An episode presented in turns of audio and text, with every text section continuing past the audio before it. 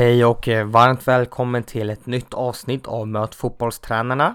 Idag gästas podden av Jimmy Högberg och vi kommer att prata om sommaruppehåll och hur man som tränare kan tänka kring fotbollsfysen. Prenumerera gärna på podden och glöm inte att följa på sociala medier.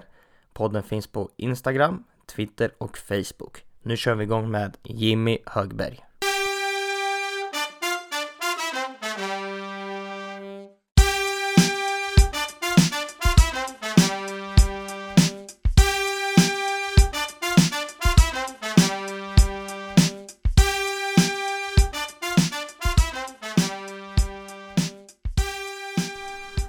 Och eh, varmt välkommen till dagens avsnitt av Möt fotbollstränarna och för andra gången gästar Jimmy Högberg. Varmt välkommen!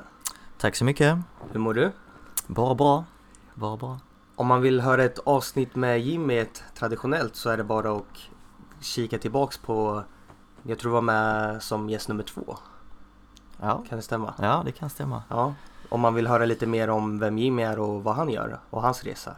Men du kan väl berätta lite kort om vem du är och vad du gör också? nu? Ja, jag är eh, assisterande tränare i Örebro SK, eh, A-laget där. Och eh, med den viktigaste rollen som jag har då är att jobba mot fotbollsfysen. Med allt vad det innebär med förberedelser och efterarbete och, men också på planen med spelare.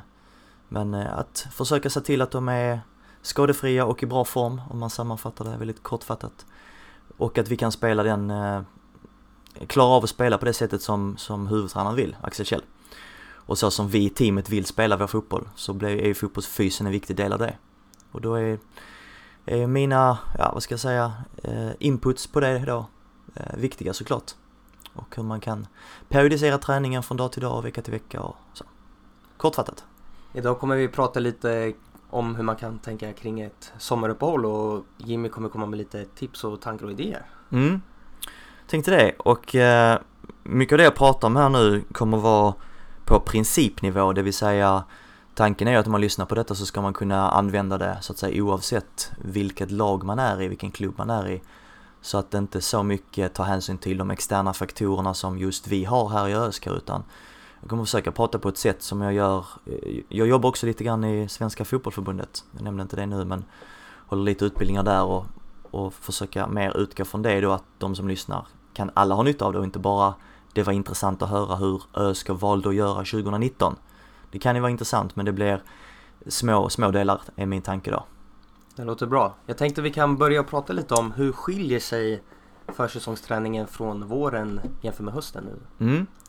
Till att börja med så kan man ju eh, börja definiera som så här, vilka åldersgrupper pratar vi om? Är det ungdomar eller seniorer?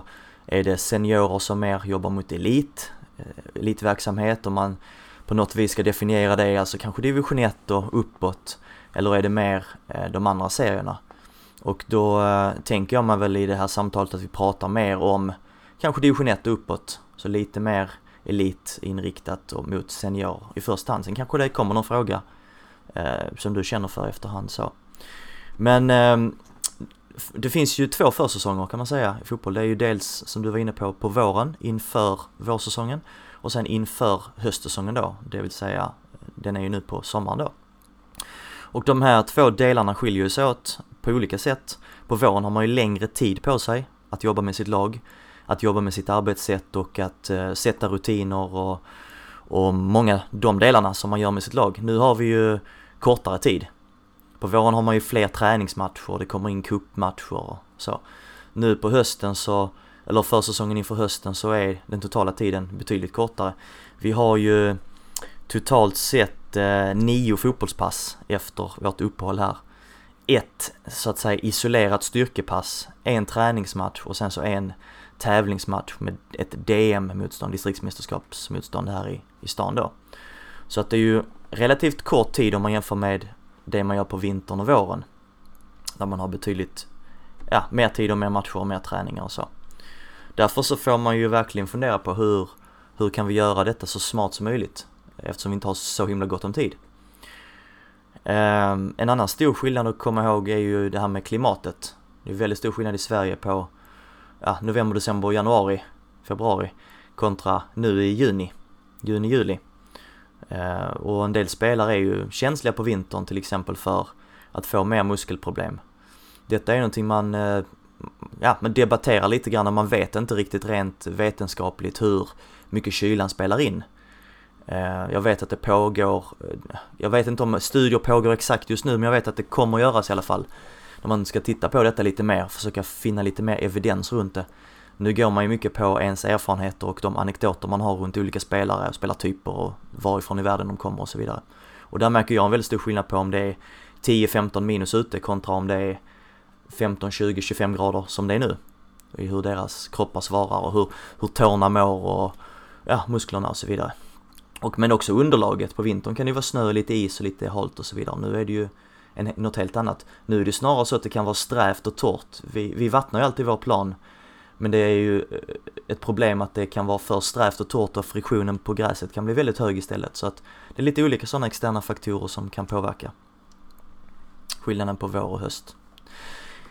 Eh, det man kan säga också är ju då att spelarna har ju, i vårt fall har vi ju haft 12 matcher här i Allsvenskan och andra lag i olika serier har ju haft andra, eh, en annan volym med matcher. Men man har ju spelat ett, ett gäng matcher och sen så är det ett, ett kortare uppehåll och sen är det ett gäng matcher till. Och då kan man säga att deras fotbollsfys, eller deras football fitness, den är ju relativt sett hög nu. De har varit igång i flera månader och de är vana att spela och träna tillsammans. Eh, med allt vad det innebär så att säga. Däremot så är deras freshness, alltså deras pigghet kan man säga i kroppen och i eh, skallarna också om man ska skilja på det. Så. så det är klart att nu har de varit igång ganska lång tid med rätt så höga krav så att de är är ju på så vis trötta av det. Men deras eh, fotbollsfys kan man säga hög och deras freshness är låg då. Och med den ingångs, det ingångsvärdet så går man in i en, i en ledighet där målsättningen är att höja freshnessen, att få dem pigga igen. Sugna på fotboll. Eh, men att förhoppningsvis då behålla den här fotbollfitnessen, den här fotbollsfysen man har byggt upp under hela vårsäsongen egentligen. Eh, så att man inte ska tappa för mycket under det här lilla uppehållet så att säga. Och då kan man ju fråga sig hur gör man då det? Och eh, då kan man ju fundera på hur får man hög freshness? Hur blir man så att säga sugen på fotboll och hur blir man pigg igen på att spela fotboll? Och ett bra knep då är ju att göra något annat än fotboll. Att vila och att tänka på andra saker än fotboll. Att åka utomlands, att åka på bort från stan, att göra andra saker som en vanlig, det gäller ju för vilket arbetsliv som helst. Även om man gillar sitt jobb jättemycket så kan det ju vara att, eller kan det vara så, är det ju troligtvis så att, att man behöver en semester då och då för att på, på så vis liksom få den här freshnessen tillbaka. Det här, man pratar om att vara sugen eller motivation eller det är väl ord som är lite snarlika i det här fallet. Ehm, så då brukar vi ju i ÖSK då i alla fall säga till spelarna att försök släpp fotbollen så mycket som möjligt. Och sen blir ju frågan hur länge kan man göra detta? För det blir ju också en fråga inom eh, ja, fysiologi och så, så pratar man om detraining, alltså hur länge är man borta från träning? Och eh, då kan man säga att olika fysiologiska kapaciteter vi har försvinner olika snabbt.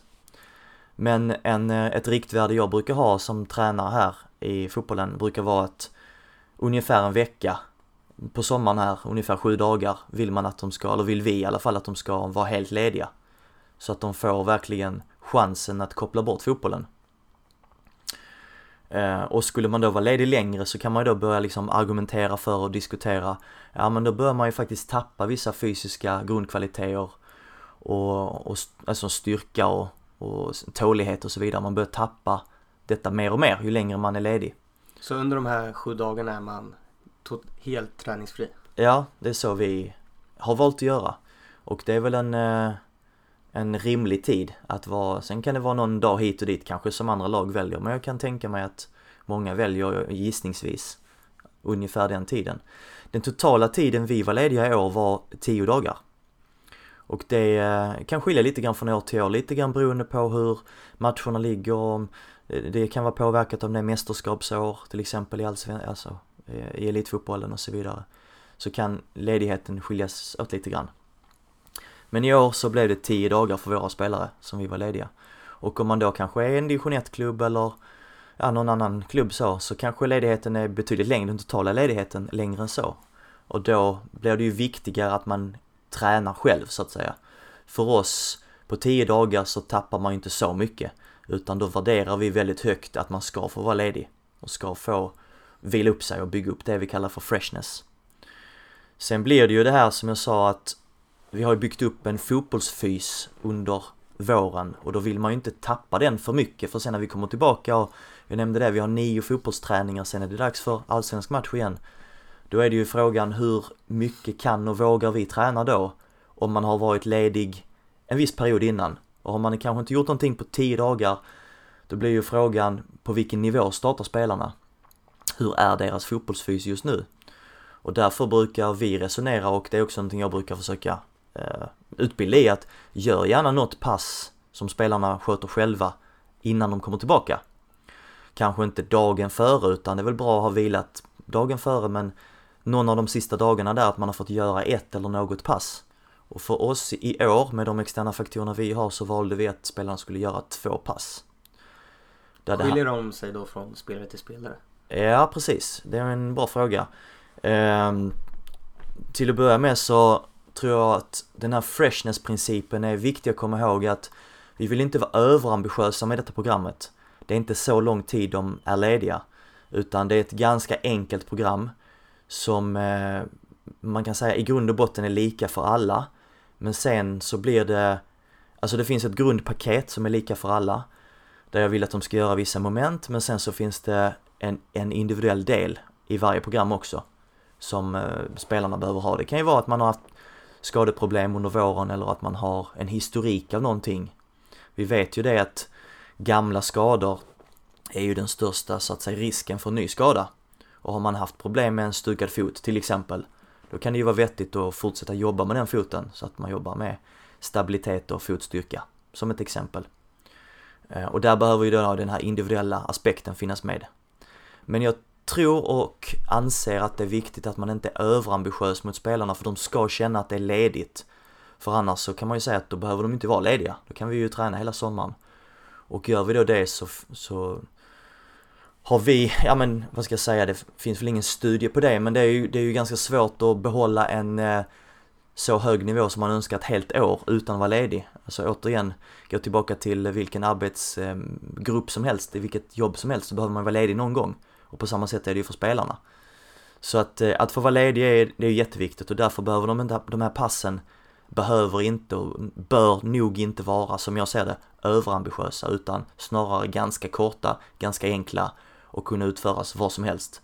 Du ska kunna vara på i någon stuga i skogen om du vill vara där. Du ska kunna vara på en semesterort utomlands, även om det inte finns något gym till exempel, och kunna utföra det du ska göra så att säga.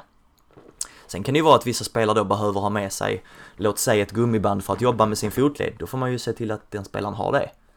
Och, och där försöker vi vara noga liksom att hjälpa dem med lite sådana detaljer men jag vill inte vara överambitiös utan bättre att eh, de ska känna att det är ledigt men jag gör lite grann för att inte tappa min fotbollsfys för mycket så att säga tills dess att jag kommer tillbaka och vi då kan helt enkelt starta säkrare när vi börjar våra träningar igen. Ehm, och då kan man säga att ehm, ett resonemang då som man som ja, lyssnare kanske börjar fundera på är ju hur ska den där träningen gå till? Hur kan ett pass se ut? Och då kan man skilja lite grann på ett mer, en mer generell träning kontra en mer specifik träning. Och det skulle man kunna kalla för två olika skolor. För man skulle kunna argumentera för att ja, men det är ju perfekt med en generell träning. Det vill säga, man får göra lite andra saker än vad man normalt sett gör. Istället för att göra accelerations och inbromsningslöpningar så kanske man gör eh, en, så att säga en, en kontinuerlig löpning. Man kanske löper 5 km i sträck eller man löper intervaller som är längre, man kanske löper 4 minuters intervaller eller liknande som inte är särskilt specifika för fotbollen. Det kan man ju argumentera för.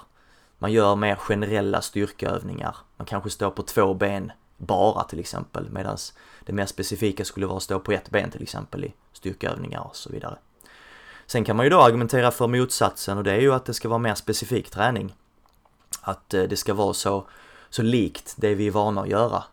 Och eh, att det inte blir nya övningar utan att det blir de specifika momenten som spelarna är vana vid. Då vet vi, eller då hoppas vi och tror att de inte får några problem med de övningarna vi väljer och att vi fortsätter jobba på det sättet som vi har valt inför det här året med den, de övningskategorier och de övningar vi har valt så att säga.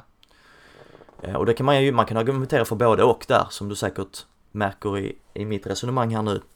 Men en sak att lyfta är ju att det är ju inte så många träningspass det handlar om. I det här fallet på sommaren, i vårt fall, så är det ju två träningspass det handlar om. Och då eh, tenderar jag att vara lite mer att jag vill att det ska vara specifikt. Jag vill inte riskera att spelaren får en, en annan övning som den inte är van vid och, och får problem på, på grund av det.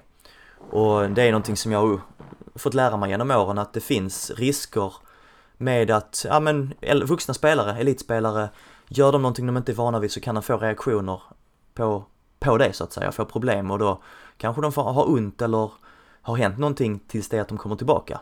Och det är det som tränaren, man får överväga hela tiden då.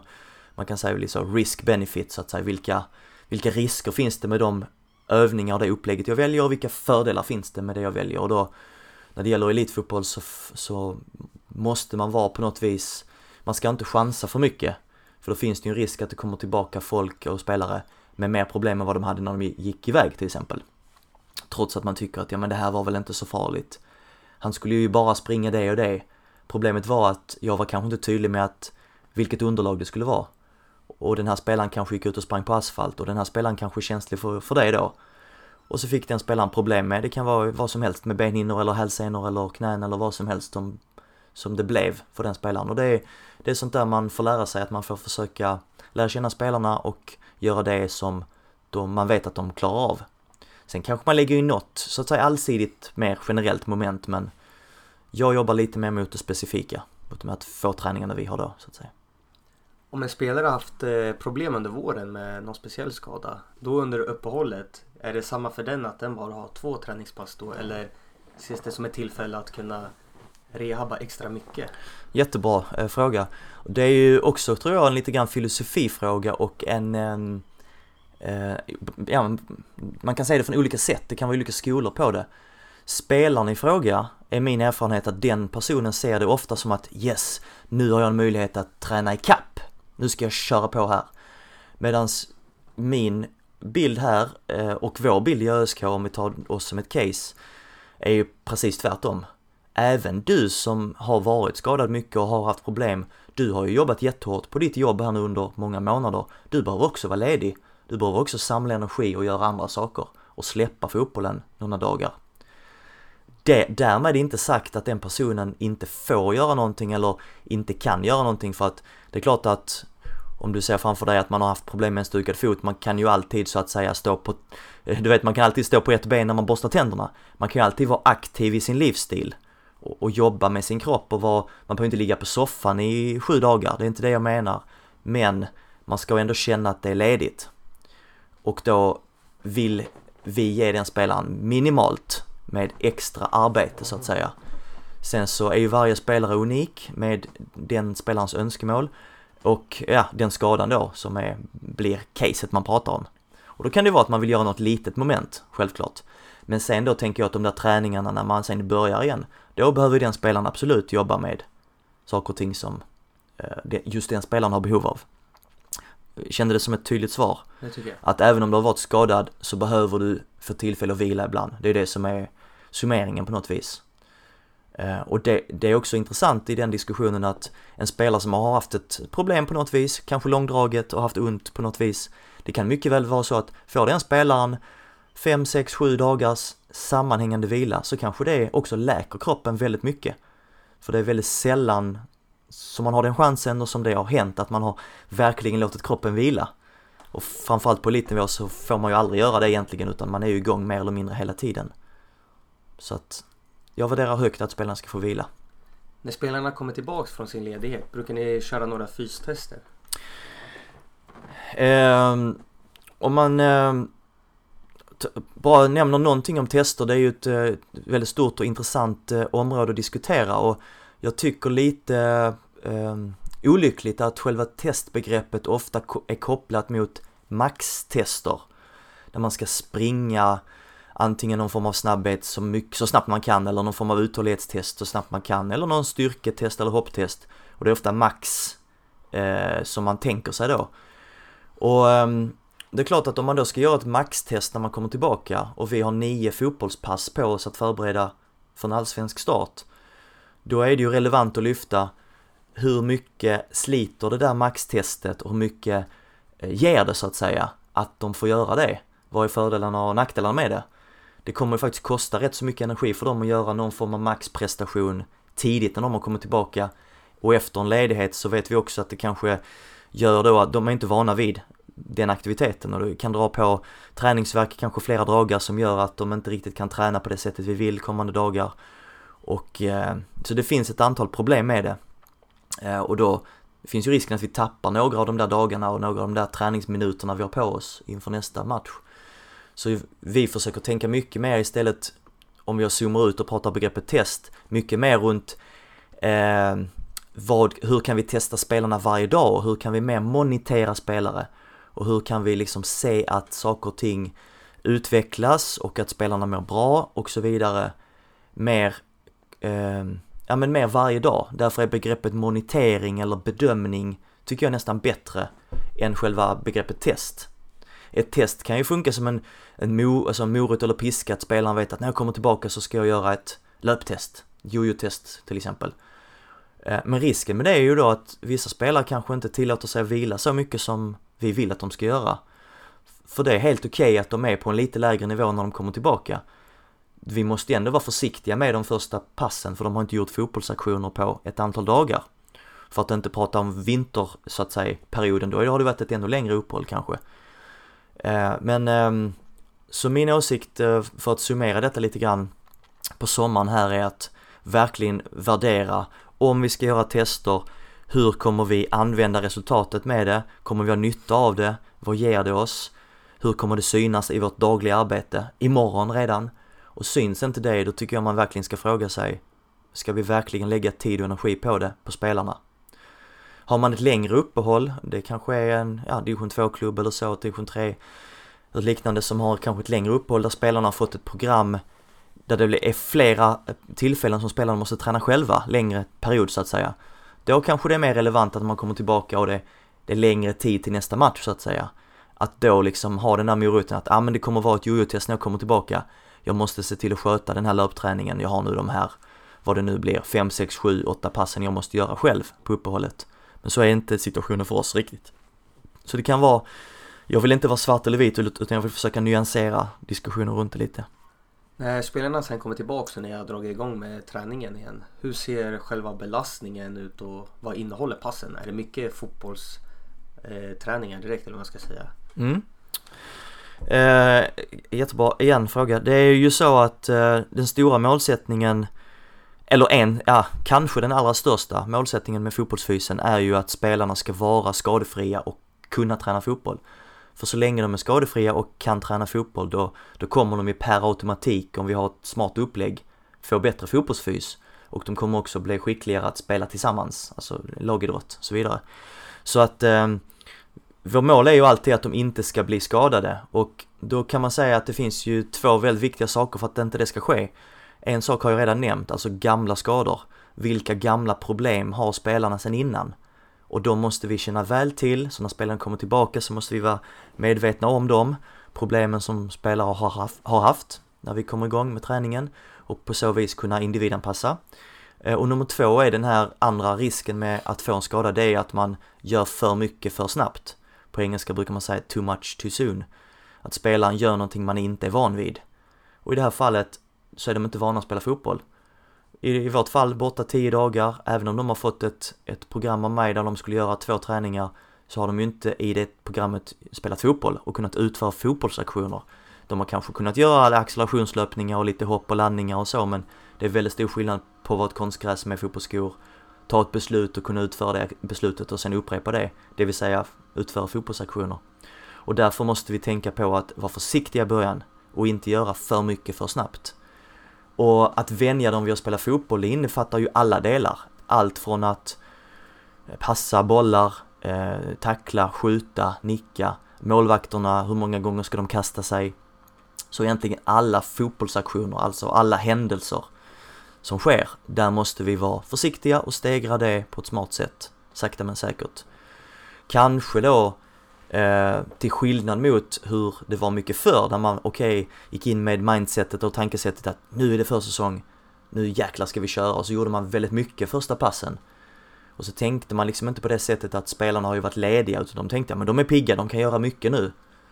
Men då är det ju viktigt att tänka på att men de har faktiskt inte spelat fotboll på länge. Och nu ska de göra något de är ovana vid. Och bara att skjuta ett skott är en otroligt stor belastning på muskulaturen i, i uh, låren till exempel. Så att börja med att bara kunna passa bollarna och ta avslut nära mål och kanske avslut på cutback situationer där du inte behöver ha så mycket kraft i skottet utan mer att du möter en boll som rullar mot dig, då behöver du inte själv ta i lika hårt. Då kanske det inte är en målvakt just då utan du kanske bara får ett antal sådana tillslag på träningen till exempel. Och att du tänker på det viset för varje dag som går liksom. Hänger du med på resonemangen? Absolut. Om eh, vi har pratat lite nu kring elit eller semiprofessionell fotboll hos seniorer. Är det någonting du känner att vi har missat?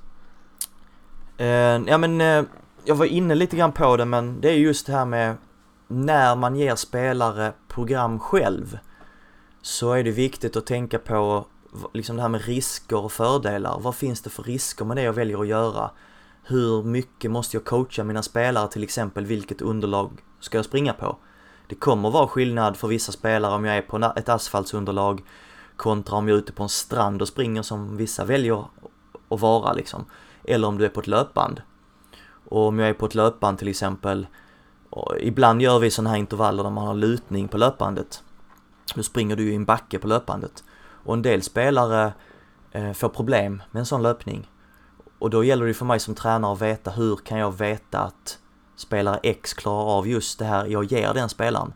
För jag är ju inte nära spelaren nu, spelaren är borta. Och även om den spelaren hör av sig, och, då kan det ju vara för sent. Då kan ju den spelaren ha genomfört ett helt träningspass och, och sen har det blivit något problem som uppstod. Det kanske fick ont i ryggen eller det kan vara vad som helst som, ett uppstått. Eh, och likväl kan det ju vara vid, vid styrkeövningar men det jag tänker mycket på är ju, är ju en del löpövningar man ger till spelare som de inte blir, är vana vid så att säga. Och eh, det är ju sånt där som i forskning så är det rätt så svårt att och kanske, ja men vad ska jag säga, bevisa det men man lär känna sina spelare och vissa spelare är väldigt känsliga för vissa till exempel underlag och underlagsbyten och så. Medan på gruppnivå på forskning så kanske man inte kan se det men genom att lära känna sina spelare så vet man lite mer vad, vad funkar och vad funkar inte och hur, hur tänker spelaren själv och alltså att man möter spelaren där den befinner sig. Det är ju ett jätteviktigt råd att ta med sig. Och det gäller ju såväl eh, ett sommaruppehåll som ett vinteruppehåll. Uh, mm. För de som är tränare för ungdomslag, mm. vad har du för tips och råd till dem? Uh, ja, beroende på hur lång ledighet det är och så vidare så kan man ju säga så att um, för ungdomar så gäller det ju att det här med specifik och allsidighet så kan man säga att det är lite grann tvärt emot där. Där vill vi ju att de ska vara så allsidiga som möjligt. Där vill vi ju att de ska göra andra saker. Vi vill ju att de ska hålla på med andra sporter så länge de kan och så vidare och att fotbollsträningarna ska vara allsidiga på massa olika sätt. Eh, samtidigt kan man ju säga att eh, det behöver kanske inte vara allsidigt så att de ska ut och springa milen en ung ungdomsspelare. Men det kanske är allsidigt så att man säger till spelarna att gå gärna ut och spela lite tennis eller spela lite badminton eller eh, spela lite paddel eller något annat som, ja men racketsporter till exempel som, som har en, eh, en likhet med fotboll på ett sätt med lite start och stopp och så men, men är väldigt annorlunda på ett annat sätt. Man jobbar ju med, med racket i händerna och så vidare så att man får en allsidig stimulering men ändå så finns det vissa specifika moment i det. Så eh, det är ju ett sätt att resonera och ett annat sätt är ju att, ehm, att som jag sa den här andra skolan, att vara inte rädd för att ge dem mm, allsidiga övningar som ni kanske inte riktigt har tid med så att säga. Jag brukar skoja lite grann om det här med att men om inte en fotbollsspelare, en ungdomsspelare slår en kullerbytta i sin alltså i sitt liv så att säga, då kanske vi fotbollstränare måste slå en kullerbytta med spelaren då och då. Eller klättra i träd med ännu yngre ungdomar och så. Så att man får en så här allsidig, allsidig träning som möjligt. Och ju yngre man är desto mer allsidigt ska det vara och ju äldre man blir och ju mer mot elit desto mer specifikt behöver det vara. Och mitt snack här idag har ju varit mycket mot elit och, och vuxna spelare. Men då kan man ju också komma ihåg det att som i vårt fall så har ju vi en stor skillnad på både den yngre, yngsta och den äldsta spelaren i laget. Yngsta spelaren som kanske är 16-17 år, den äldsta kan ju vara 35-36 år i ett fotbollslag, i ett A-lag. Och då är det också viktigt att fundera på det. Hur skiljer sig det här åt med den här åldersskillnaden mellan de här två spelarna och hur kan jag tänka då liksom? Och det är klart att en, en ung spelare behöver mer allsidighet än vad en, äldre spelare behöver. Hur kändes det här? Känns bra. Tror du vi har fått med det mesta? Det är ju alltid så att man vill ju ge eh, så kort och koncis information som möjligt. Man skulle kunna, jag skulle kunna prata jättelänge. Men eh, man ska också orka lyssna och, eh, och helst minnas lite grann av det budskapet som har getts. Så eh, om inte du har med några mer frågor så jag nöjer mig där. Tack så mycket att du tog dig tid. Ja, tack själv. Hoppas du gillade avsnittet och tack för att du lyssnat. Nästa veckas avsnitt släpps redan på onsdag istället för nästa söndag av den anledningen att Malmö FFs assisterande tränare Andreas Jorgsson gästar. Malmö spelar Europa League-kval på torsdag och vi kommer då att prata inför den matchen. Vi kommer att prata om talangutveckling och MFFs akademi, om scouting och om Andreas jobb i A-laget. Vi hörs då.